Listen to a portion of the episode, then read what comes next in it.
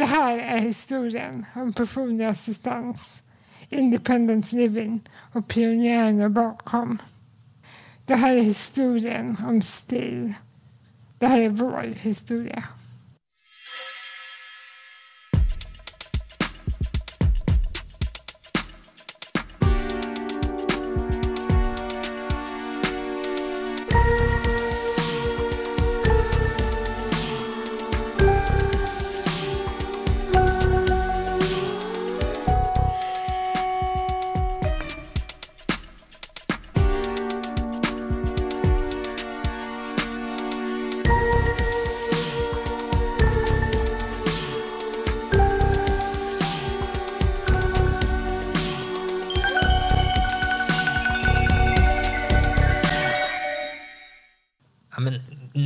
Suttit nu och träffat alla de här pionjärerna, de som har drivit igenom eh, revolutionen som är independent living och som är den personliga assistansen och den enorma reform och förändring som det inneburit för, för oss eh, och för oss som grupp, liksom, du vet, eh, funkis, funkisar och vårt självbestämmande.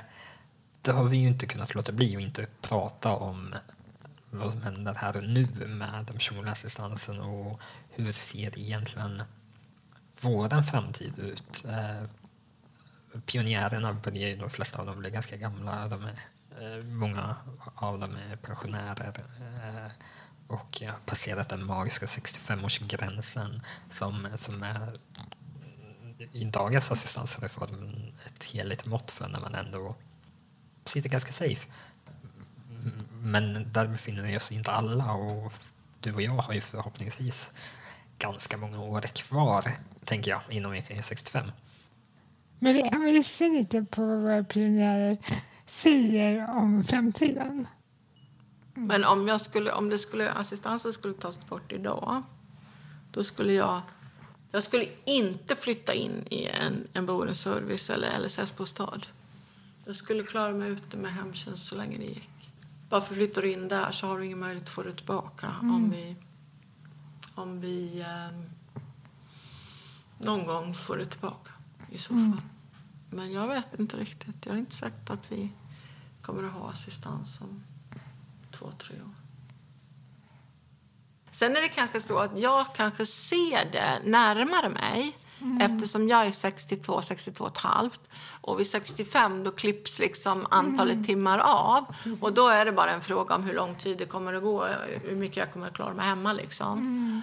Om, om jag behöver mer, mer, mer stöd liksom. Så är det bara en fråga om hur lång tid det mm. kommer att bli. Så det kan hända att för mig är det närmare. Och det kan hända att det gör det mer akut för mig. Det kan också hända att jag ser det mer negativt eftersom jag vet att tiden håller på att rinna ut för mig.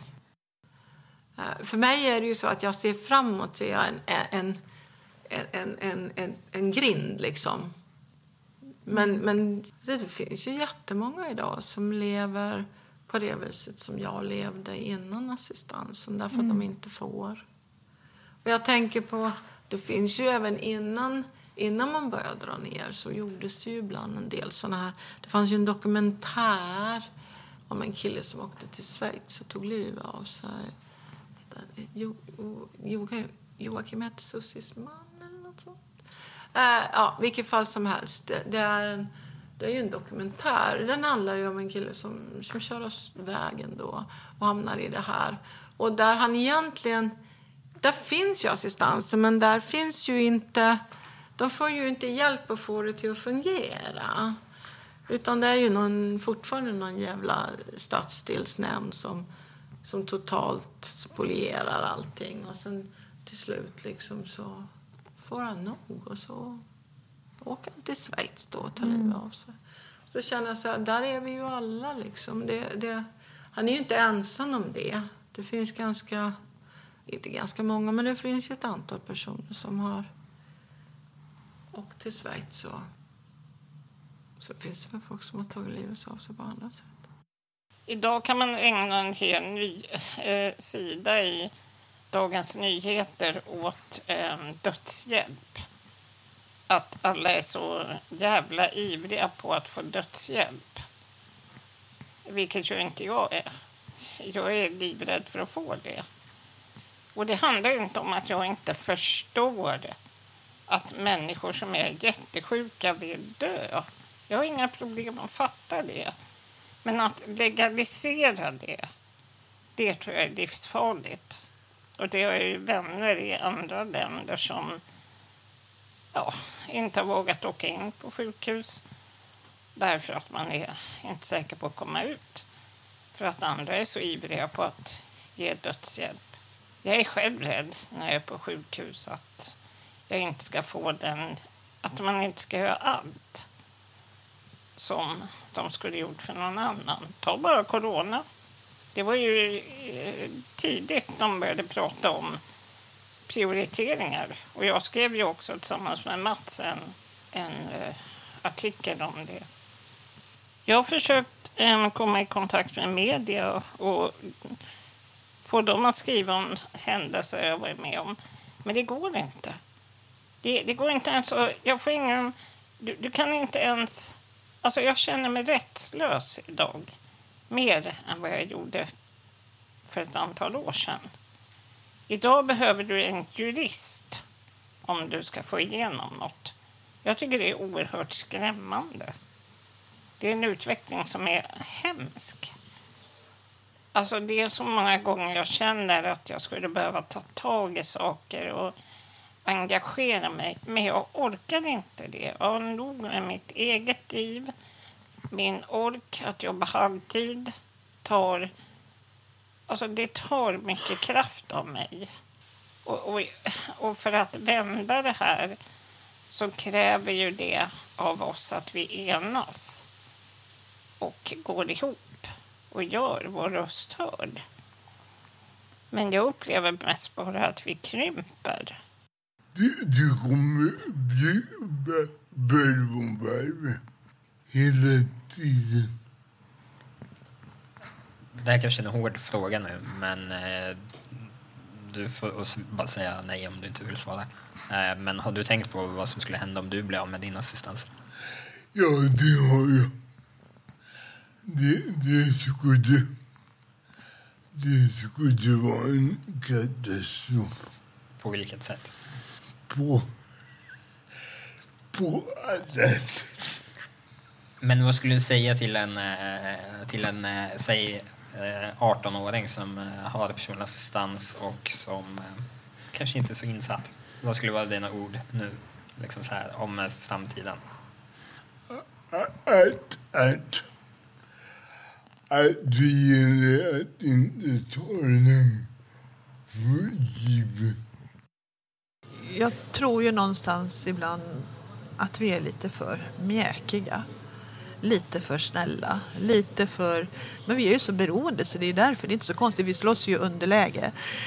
Men ibland kan jag känna att vi borde bli mycket argare och mycket mer liksom bildligen slå näven i bordet och tala om att fan, vi har samma rätt som ni att leva på. på. Vi, vi lever i ett välfärdsland, ni har råd med oss. Och har ni inte råd med oss så beror det på några andra saker, då får ni lösa det på något annat håll. Se till att de skattepengarna kommer in bara. Låt dem inte rinna ut i något annat skit, i något annat hål någon annanstans. Um, men utan vi sitter där, vi, vi spelar liksom på deras spel spelplan och deras halva. Och det är det, där vi bjuds in också. Det, problemet är ju bara att man kan befinna sig lite grann på, över på den andra sidan. Problemet är bara att om man kommer för långt över, ja då, så, då har ju de makten att peta bort oss och det har de ju gjort i väldigt hög grad. Vi sitter ju inte alls med i samma utsträckning i utredningar och sånt som vi gjorde förr. Samtidigt som man då kan påverka när man sitter med i utredningar och sådana saker så blir man ju också någon slags gisslan på ett, mm. ett sätt. Man går med på något. Man hör ju hur tongångarna går i en utredning. Jag har suttit med i några utredningar när det gällt bilstöd till exempel. Så hör man hur de diskuterar i skitdåliga förslag. Eller så kommer de med något sånt där. Det har hänt i flera assistansutredningar. Då lägger de något förslag som är åh jätte, vi reagerar. Så då skriver de ett nytt förslag som inte är riktigt lika dåligt men det är fortfarande sämre än det var innan. Mm. Och då tycker vi att, att vi har vunnit när vi själva verket i grund och botten har förlorat. Och så tycker jag det har varit genom hela assistanshistorien. Så jag vet att STIL jobbar med att jobba fram alternativa modeller, eh, komma liksom lägga fram konkreta bra förslag. Ja, det är väl en väg, det kanske är bra. Men, men eh, eh, i grund och botten handlar det om att, att, att eh, på något vis kräva att man ska bli betraktad och behandlad som en människa kan jag tycka med, med samma rätt till Mm. de villkor som, som är möjliga för var och en. Jag tänkte på att du sa faktiskt en sak tidigare eh, och det var att um, utopier faktiskt är möjliga. Att man ska våga tro på Mm. Ja. utopier. Det tänker jag är... Men då måste man ju ha en utopi. Exakt, Ja. jo absolut. Så att, och, och kan man måla upp en utopi och, och, och liksom sträva mot den så är väl det en jättebra grej. Där man vet att det är dit vi är på väg. Och det var ju så när det gällde assistansen att vi hade en rätt tydlig bild även om vi inte hade precis klart för oss hur det skulle finansieras och hur det skulle bli. Så hade vi det. Så det viktiga var att man skulle få välja själv. Det var ju det som var liksom grundstommen och det som var det, Alltså vi skulle ju ta, enligt facket så ja, de kommer ju ta över alltihopa. De kommer ju köra assistenterna i botten och det kommer ju bli ett helvete för det kommer ju, det kommer ju bara bli, vi kommer ju bli så förskräckliga som, som eh, får den makten att göra allt det här. Alltså, men då hade vi ändå en väldigt tydlig bild av vad det var vi ville. Och det är väl kanske det vi behöver hamna i igen då. Att ha en tydlig, vart är det vi vill komma? Är det tillbaka till det vi hade? Nej, jag tror man måste titta förbi och titta. Även om man har någon slags bild som liknar den som en gång var. Så tror jag inte man ska prata om att man ska åter eh, eröv- erövra eller liksom att man ska tillbaka till något som har varit. Utan man ska se ett steg till och det kanske inbegriper det som har varit. Men, men det inbegriper också någonting nytt. Och då känner jag att men där står, står, står jag liksom, slår jag slint eller vad ska jag säga, står jag mig slätt ska jag säga därför att jag har inte den förmågan. Nu hade inte den 1983. Jag kunde inte se då att det fanns den här möjligheten. Och det kan inte jag idag. Men det finns alltid människor som har den möjligheten och förmågan. Och det, det gäller ju liksom att lyfta dem och backa dem. Men alltså Emma, det här känns ju ganska... Vad ska vi säga? Deppigt. Det är ju inte som att man känner att yay, gud vad vi har en lugn och fin och skön framtid med vår frihet i behåll framför oss. När man lyssnar på, på de som har varit med så är det ju en ganska mörk och dyster spaning stundtals. Ehm, och ett ganska uppgiv, någon ganska uppgivenhet. Alltså, och, och jag förstår dem. Alltså jag förstår dem verkligen.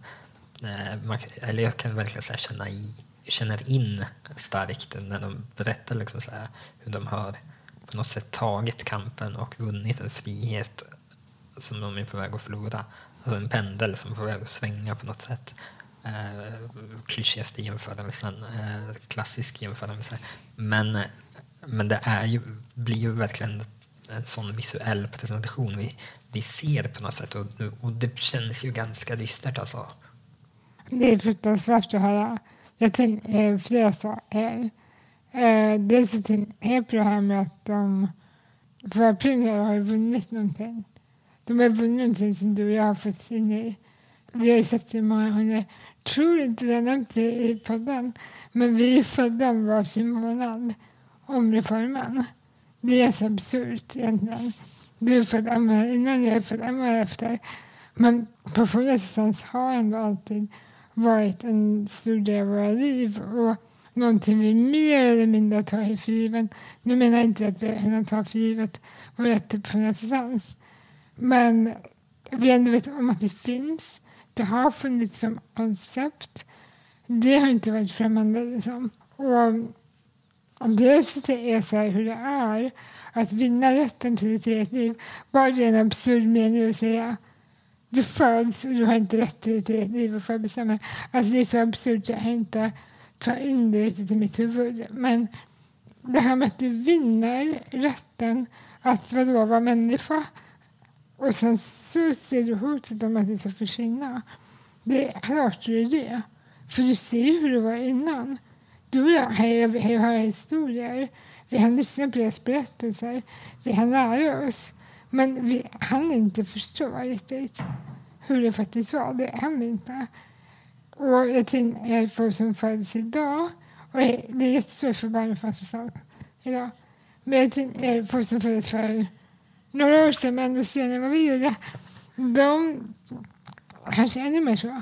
att det är svårt att föreställa sig en värld utan assistans. Liksom, framförallt om man inte träffar någon som har levt livet. Och det är därför det här är så otroligt viktigt. Det är så viktigt att vi berättar vår historia. Det är så viktigt att vi förstår att det är vår historia. Det är inte deras historia, det är inte deras erfarenheter. Det är vi som kollektiv finns kollektivets historia. Det är en solidarisk handling, tänker jag, att berätta den här historien. Och den är super, super viktig.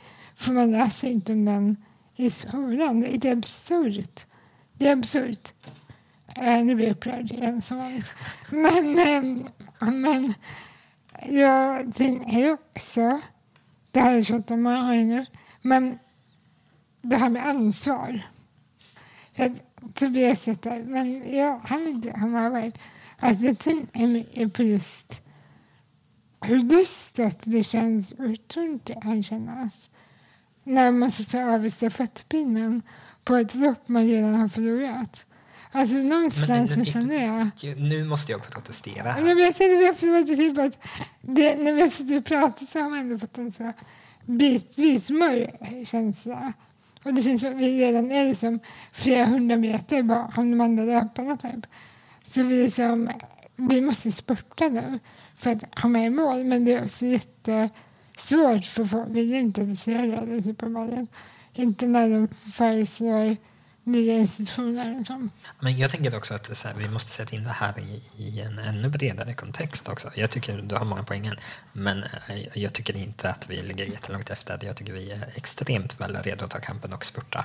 Eh, Okej, vi har några liksom, häckar att hoppa över, men... eh, Nej, vi måste sluta med sport. Ja, jag vet. Jämfört med du och jag är sämst på att springa lopp. Jag tänker att vi måste byta.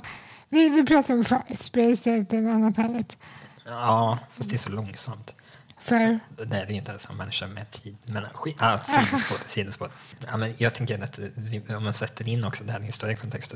Ja, men som du sa, vi två är ju födda samtidigt som eh, LSS-reformen 1993. Eh, Den som är lite snabb på huvudräkning kan räkna ut att vi då är 28. Vi börjar bli gamla. Jag har fortfarande någon form av självbild av att jag är ung, men jag börjar förstå att det finns yngre personer. Ja, men vi tillhör ju ändå en generation där vi har sett en välfärdsstat som monteras ner på alla möjliga håll och på en del sätt kanske det har varit positivt skulle en del hävda eh, utan att lägga värdering i det och på andra sätt har det varit väldigt negativt. Oavsett har vi sett en välfärdsstat som drar sig undan ehm, och försvinner och Eh, det gäller ju också för dig och mig när det gäller assistansen egentligen. För även om vi har haft assistans som en självklarhet i våra liv så har vi också levt och växt upp en stor del eh, där assistansen har varit ifrågasatt och, och kritiserad och ned, eh, eller inskränkningar görs. Och, um, jag vet att du och jag har lite olika erfarenheter över liksom hur hårt det slår på oss individuellt. Liksom. Men, men jag menar, mitt assistansbeslut idag har jag ju efter en lång rättsprocess. Liksom. Det är ju inte något som kom som en självklarhet eh, på något sätt.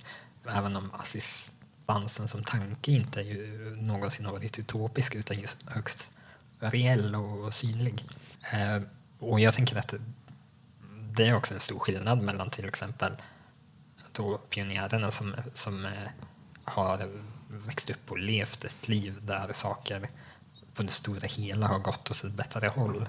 Eh, man har kunnat se en positiv förändring medan vi på många sätt har växt upp i en tid där eh, men, som sagt välfärdsstaten dras tillbaka och minskar.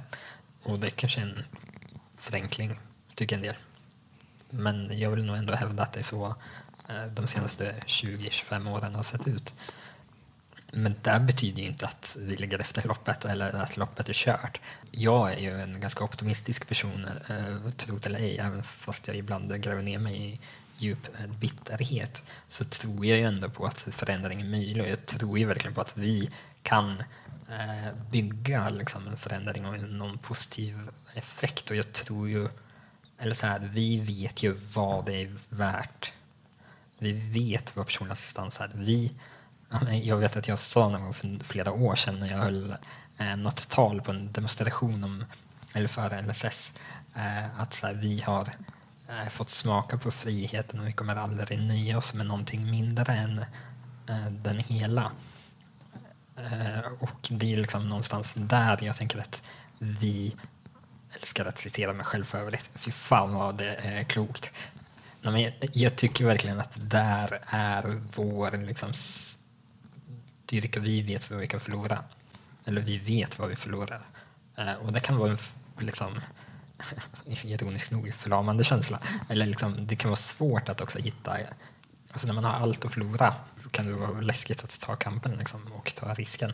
Men jag tror samtidigt att det är där någonstans vi måste ta kampen för att vi måste veta varför vi gör det och vad vi har att förlora. Och det är asjobbigt. Jag menar, ibland är det det. Men det är också kul. Och jag tror verkligen, någonting jag tycker verkligen, verkligen som jag, när jag lyssnat på alla berättelser, som de var mycket bättre på på 80-talet än vad vi är idag, så är det att ha gemenskap. Att ha, föra kampen tillsammans. Att organisera sig i funkisar i grupp. Ja, men vi kan ju verkligen, eh, idag eh, kan jag tänka så här, jag har varit aktiv i funkisrörelsen sedan jag var liten, men jag är nästan aldrig, eller jo, absolut ibland, men jag kan också tycka att det har varit ganska långt avstånd mellan funkisar och att vi är dåliga på att och det kanske är ironiskt eh, en, en del av det faktum att vi har personlig assistans, och självständiga liv och inte behöver det klumpas ihop med en massa andra invalider. Liksom. Eh, men, men det finns också en styrka i att alliera sig tillsammans eh, som jag, vi kanske har tappat bort längs vägen Eh, för att vi eh, har just fått friheten också. Eh, men det gör oss svagare som grupp när friheten hotas. Och det är där någonstans, där tänker jag liksom, som vi gör gärna den här podden för stils räkning och stil är ju just det, det är att vara medveten om att så här, men vi är i det här tillsammans och kan bedriva liksom, påverkan tillsammans och eh, är starkare om vi faktiskt går tillsammans än, än kör våra egna race. Och, och det tycker jag verkligen är jag hatar att använda ordet inspirerande, men jag tycker fan att det är inspiration jag känner. Jag håller med. Jag tror att... Det skulle jag bara poängtera att jag inte tror att öppet är förlorat. Det var inte det jag sa från början heller. Men jag tror att det är viktigt att... Det är på hur man skapar förändring. Hur vi uppnår förändring, hur vi också för kampen. För det finns inte ett sätt att göra det på. Det finns det är det finns människor. Nästan, jag har haft det för en klyscha. Det är faktiskt inte sant. För att, precis som du säger måste vi samarbeta. Så det finns obviously inte det många sätt som det finns människor. Men man har väldigt stor det och olika roller i kampen. Och jag tror att det är det vi också måste fokusera på. Att vi behöver alla röster. Alltså alla röster skiten och maten. De som bara gör som vi säger. Men vi behöver alla, alla olika röster. Jag vill veta hur du och jag och alla andra med assistans upplever assistansen och vill ha den på bästa sätt. Och behöver ha den.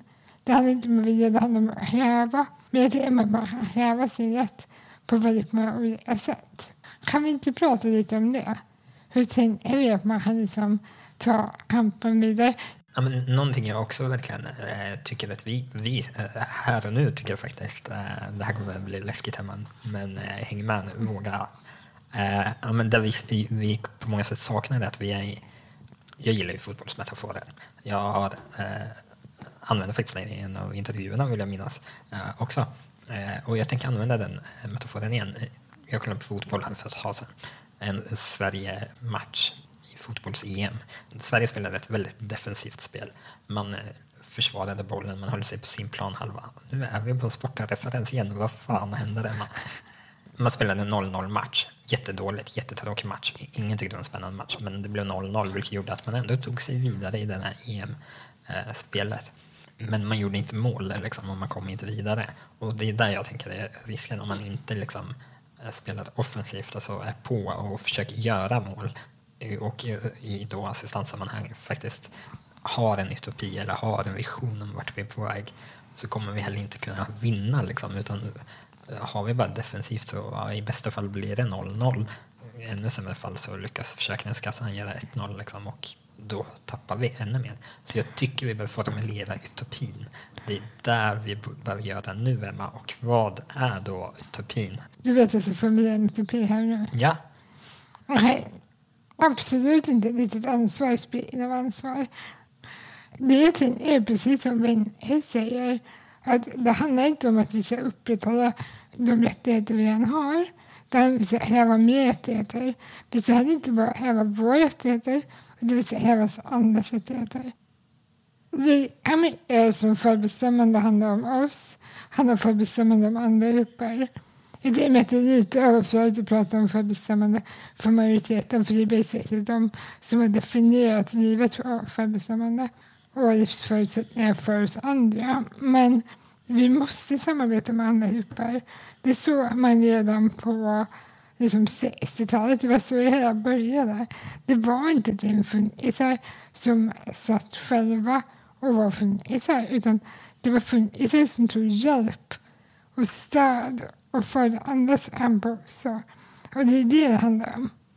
Ja, alltså, eh, går vi till 60-talet, eh, Kalifornien, så är ju mötet som sker är ju mellan liksom en radikal funkisrörelse, det är en svart medborgarrättsrörelse som tar kampen mot liksom polisbrutalitet. Det var en och, uttalad eh, lesbisk kamp Det är en uttalad lesbisk kamp, det eh, refereras till liksom, ho- eh, hbtq-rörelsen. Eh, det är kul att jag bara tappade hbtq-rörelsen samtidigt som jag liksom sysslar med det minst lika mycket som funkisrörelsen. Ja. Men det var en betydande del och de möttes och de hjälptes åt. Och, eh, men, lyssnar man på vårt avsnitt om Crip Camp eh, från säsong ett och fulla rulle, eller för den delen kolla på filmen Crip Camp på Netflix, eh, så är det en sekvens där de ockuperade en byggnad, alltså ett gäng funkisar ockuperade en byggnad. Och eh, den möjliggörs av att de också får mat och hjälp från eh, både svarta eh, medborgarrättsaktivister och eh, fackföreningsrörelsen. Jag tror det är typ Flygplatsarbetarförbundet eller något i den stilen som, som kommer med matleveranser till dem i, i, under ockupationen för att de ska kunna fortsätta. Och det är så man bygger liksom en politisk rörelse som också vinner mark, eh, tänker jag. Ja, men. Och jag tänker också att det är viktigt att poängtera att man kan vinna mark på så många olika sätt. Det man gör det är det lilla också. Det fungerar politiskt och så vidare. Jag tänker också att man måste... Alltså, det må låta hyschigt. Och jag ser absolut inte att utbildning är svar på allt. Vi ska inte hamna i utbildande positioner om och om och om igen. Men det är viktigt med kunskap. Det är viktigt att förstå av historien och lära sig av historien. Jag tänker att det är också en väg framåt. Att vi måste sprida den här kunskapen. Och precis som du sa Tobias, våra pionjärer börjar bli gamla. Det är jätteviktigt att vi hör deras berättelser nu. Och som Vinke poängterade i vår intervju, att funkisar alltså, är vana vid sorg. Vi är otroligt vana vid sorg. Vi har tappat och förlorat så himla mycket människor. Inte bara som rättigheter, det är inte bara en pendel i rättigheter, det är också liv som vi har förlorat. Vänner, anhöriga, nära familj. Och Jag tänker att de här berättelserna måste berättas. Och inte på ett så här inspirationsporrsvis utan på ett gediget, genuint och värdigt vis. Vi måste få formulera vår berättelse och vår egna historia. Och det är därför till exempel den här, det vi gör nu är så otroligt viktigt. För man måste veta vad man har i bagaget och vad man går in i kampen med. Var kommer det ifrån? För det är någonting som tyvärr ofta har förlorat när vi pratar om personlig assistans. Vi tappar hela grundidén. Vi började i episod ett av att definiera independent living. Vi definierade självbestämmande och rätten till sitt egna självbestämmande är en makt. Men det är inte det man pratar om när man pratar om personlig assistans. Antingen pratar vi om pengar och budget och hur vi ska dra in rätten till personlig assistans. Eller så pratar vi om någon form av omvårdnad. Det har blivit synonymt. Det är inte ett servicejobb, det är ett omvårdnadsjobb. Och det är helt fel. Det stämmer inte alls med det som var hundidén. Och jag tror att det är därför det är viktigt att förstå vad är personlig? Vad är det vi kämpar för? Vi kämpar inte för att ha professioner runt omkring oss för att kunna ihop på toaletten. Vi kämpar för att kunna leva förbestämt. Det är det vi kämpar för. Och det gör man inte genom att ha tid och pengar. Det gör man genom att ha pengar för att vi behöver kunna betala arbetskraft. Men alltså, att ha rätt personer på rätt plats. Och det är bara vi som vet vilka som är rätt personer. Så det är med halva kampen är liksom internt vunnen, om man kan uttrycka det så. Bara genom att vi fortsätter definiera vad det är vi behöver och vad det är vi kräver. För har vi det klart för oss i funkisrörelsen, funkisrörelsen nu, handikapprörelsen, vad händer det vi ska säga funkisrörelsen, så har vi nu gjort halva jobbet. Så det är mitt svar på frågan hur är utopin, hur är den formulerad? Självbestämmande. Det börjar och slutar med IL, det är utopin. Och det är det vi kämpar för. Ja, men något jag också verkligen tänker att vi kan ta med oss från rörelsen. Jag håller med ju vartenda ord du säger. Och något jag verkligen tycker att vi kan ta med oss från ursprungsutopin som också som vi nog inte har ett bra citat på men, men som ändå kommer fram tydligt under Stockholmskonferensen är ju eh, Eh, att man... Där är ju funkiskollektivet man gör ingen skillnad på om du är liksom 45, 65 eller 75. Du är fortfarande en funkis. Och där finns en gemenskap och där det är en gemensam frihet vi slåss för. Och där tror jag vi har förlorat jättemycket idag på att vi inte...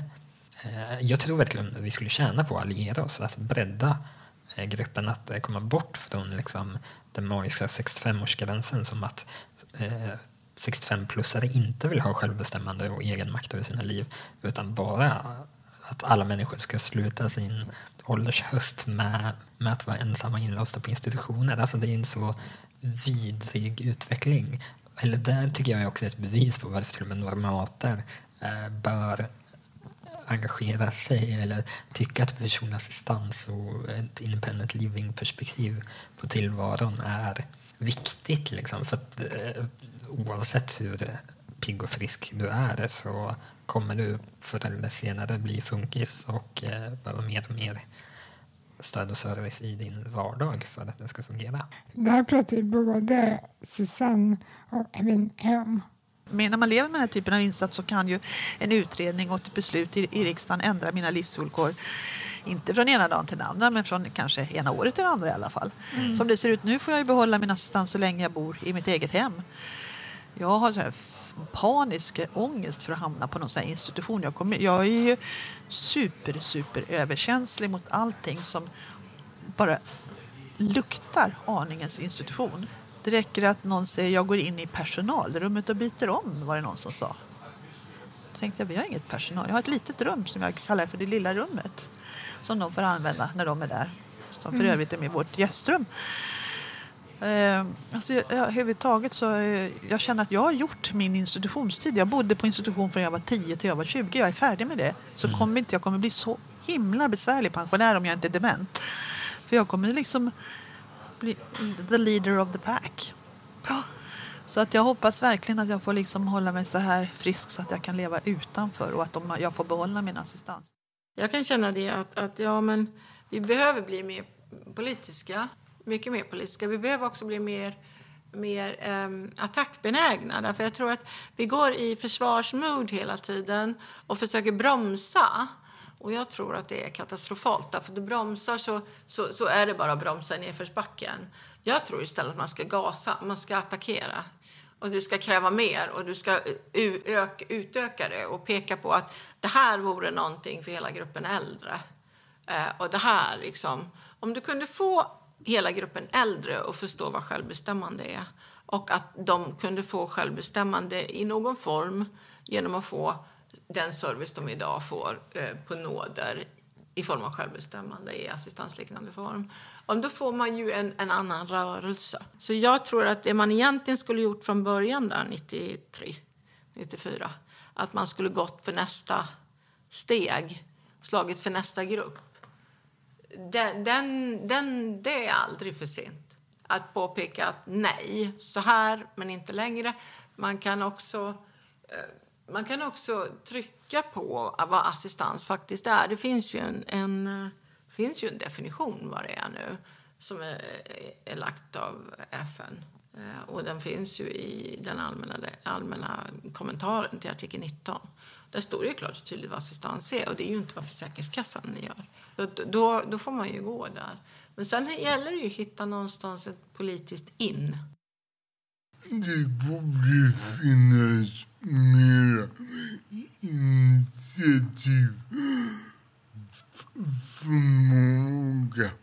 Jag menar i, i funkisvärlden. Vi, vi är ganska då, dåliga på att ta, ta initiativ. Eh, Men om du får ta ett exempel på någon gång när man har tagit initiativ. Ja. Har du något sånt? Stil. Varför tror du att eh, stil och personlig assistans blev möjligt? Jag tror att det berodde på en kollektiv insats. Jag tror att det, behövs flera olika initiativ. Det finns många sätt att jobba på. Och det gäller att hitta sitt eget sätt.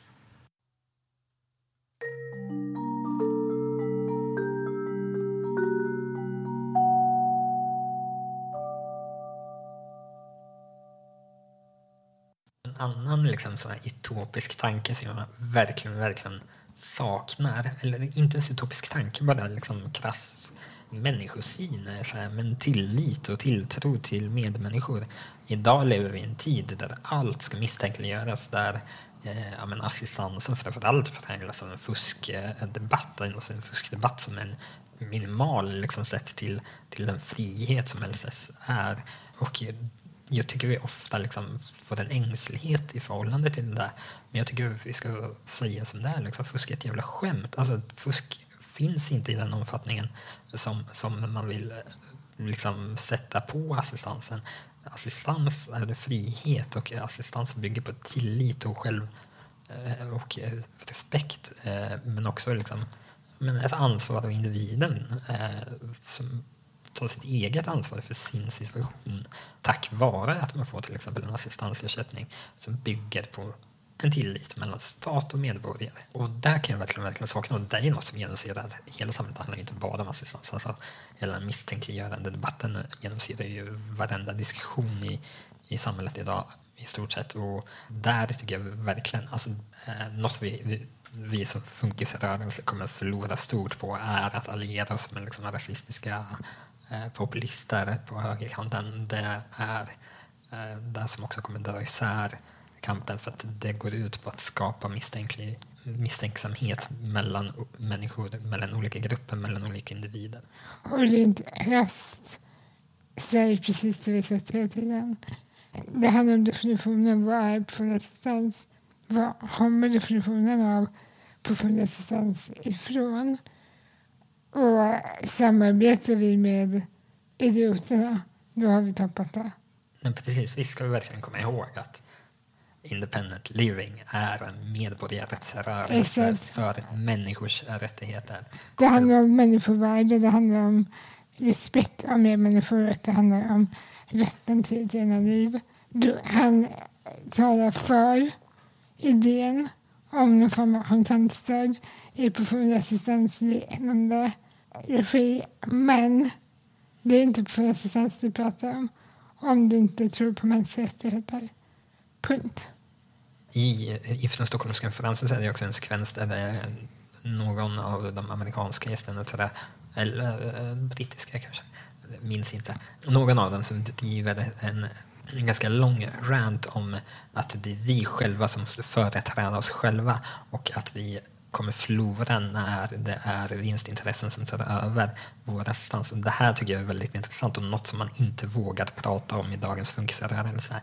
Idag ser vi de stora giganterna till assistansanordnare som är riskkapitalägda bolag som tar över allt större delar och ibland förklär sig i, i en vilja av att eh, men, stå på vår sida. Men det är intressant för de kommer ju alltid börja drivas av ett enda intresse som är bolagets syfte och det är att gå med vinst och att tjäna pengar. För det är liksom bolagets form. Det finns absolut människor i de här företagen som eh, jag genuint tror bryr sig och står eh, på vår sida. Men bolagens form möjliggör aldrig det. Från början så tänkte vi nog att det skulle vara rätt mycket kommunal assistans Mm. och att alternativen skulle vara egen arbetsgivare och, ko- och kooperativa lösningar. Och sen börjar de här företagen bildas. Och så börjar de att ge folk såna förmånliga villkor och, och förmåner av olika slag.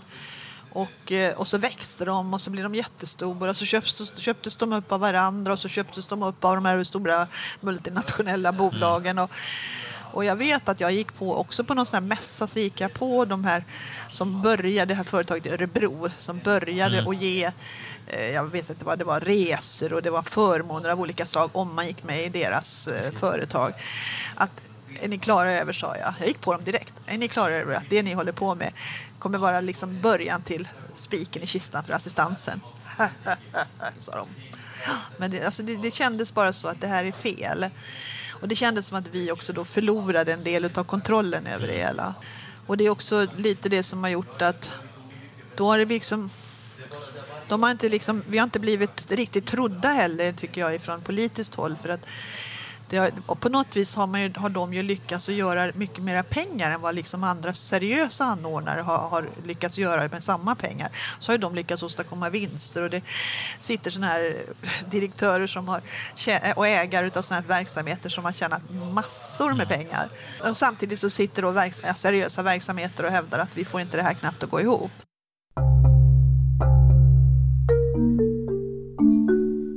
Sammanfattningsvis har vi i det här avsnittet pratat om framtid och nutid av personlig assistans.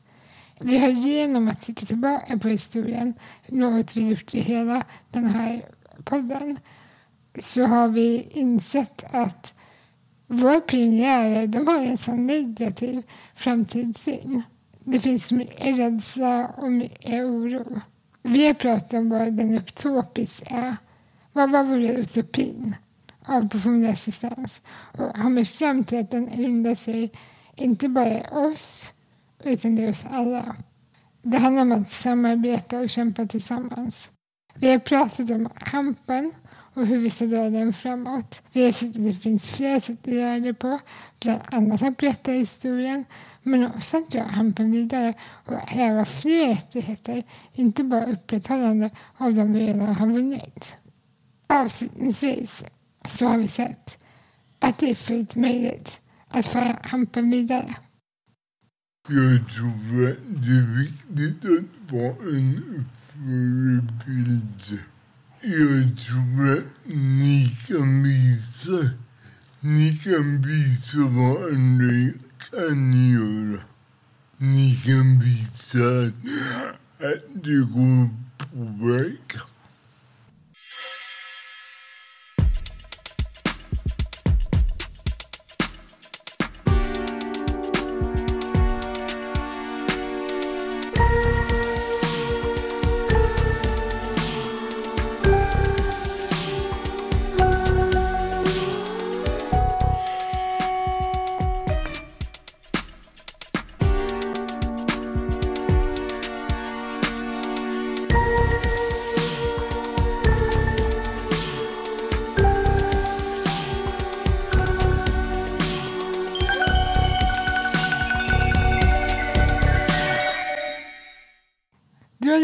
På STIL, stiftare av Independent Living i Sveriges poddserie Pionjärerna. Producerat av Fulla Rulle, Emma Åstrand och Tobias Holmberg. Musik av Anders Åstrand och ljud bearbetat av Thomas Bolin.